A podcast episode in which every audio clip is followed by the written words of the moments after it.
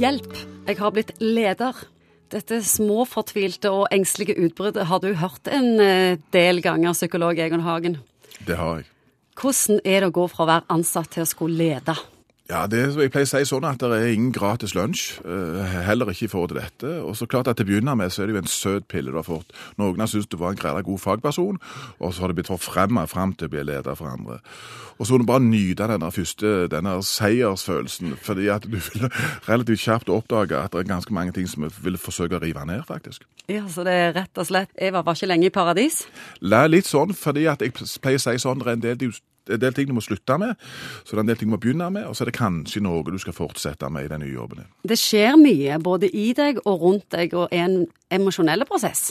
Ja, det er en emosjonell prosess. Det var en som sa til meg at uh, jeg skjønte det, jeg, at jeg var blitt leder når jeg kom inn på lunsjrommet sammen med de samme folka som jeg har sittet der med så mange ganger før, og så ble det helt stilt. Hva er det som har skjedd? Det er jo bare meg. Så grusomt. Mm. Og så er det mange som òg ikke er klar over at når du går fra å være en vanlig ansatt, så er det enormt fristende å fortsette med det du var god med tidligere. For du har sikkert fått denne rolla fordi at du var en god fagmann. Og det er så fristende å fortsette med det istedenfor det du skal gjøre, nemlig å skape resultater gjennom andre. Hvor pleier skoen å trykke når du går fra ansatt til leder? Du er ikke betalt lenger for å drive med de tingene som du drev med før. Du, du, er betalt for å drive med ledelse. Og for mange så er akkurat ja, men hva innebærer det? Jeg føler ikke at jeg har nok kål egne på hva det faktisk innebærer. Og så er vi litt sånn, spesielt i starten, litt fomlende i forhold til å gi det nye. Hvordan skal en da navigere når både de ansatte, de under deg, endrer seg, og òg gjerne de som er over deg? Ja, Det første handler om som mental omstilling, tror jeg, på å verdsette det å bruke tid på ledelse. Skjønne at du skal skape og gjøre resultat gjennom andre. Du skal kanskje bli mye flinkere på å vite hvordan skal jeg motivere, motivere Ole Hugo versus hvordan skal jeg motivere Janne. Det er den type ting du skal bruke, bruke krefter på. Og så Ingvild, så er det gralla viktig at du skjønner at nå har du fått en enorme forsterker rundt alt det du gjør. Sånn som jeg snakket med en plattformsjef her i Nordsjøen som sa, plutselig var blitt plattformsjef. Så sier han det at nå plutselig kan jeg ikke gå inn der jeg vil og snakke. Nå må jeg måte fordele tida mi rettferdig på hele gjengen. Fordi at alt det jeg gjør, virker så mye sterkere enn det det gjorde tidligere. En god leder, er han født sånn eller blitt sånn? Nei, jeg tror, jeg tror, nok det er en del sånn personlige egenskaper som er alt annet her i livet som gjør at no, noe Men jeg tror du kan bli mye flinkere på å være i rolla di.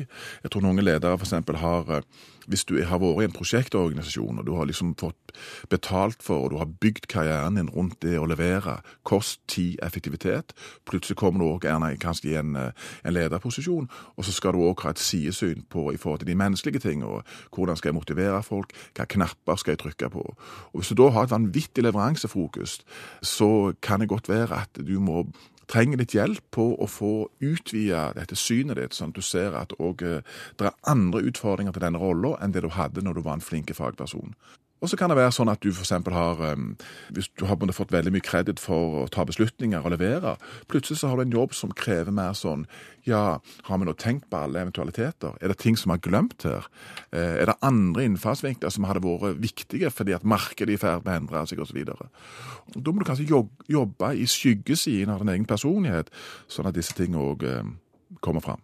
Burde ansatte være snillere med lederne sine? Jeg pleier å si det sånn at hvis lederne er snille med de ansatte, så er det i hvert fall mye lettere for de ansatte å være snille med lederne. Ordet snillhet er sånn et eh, det er sånn nesten like ille som koselig. Altså det, hva er det for noe? Men, men, men det å være tydelige og forutsigbare og til å stole på disse tradisjonelle karakterdydene er jo sinnssykt viktig når du har sånn rolle.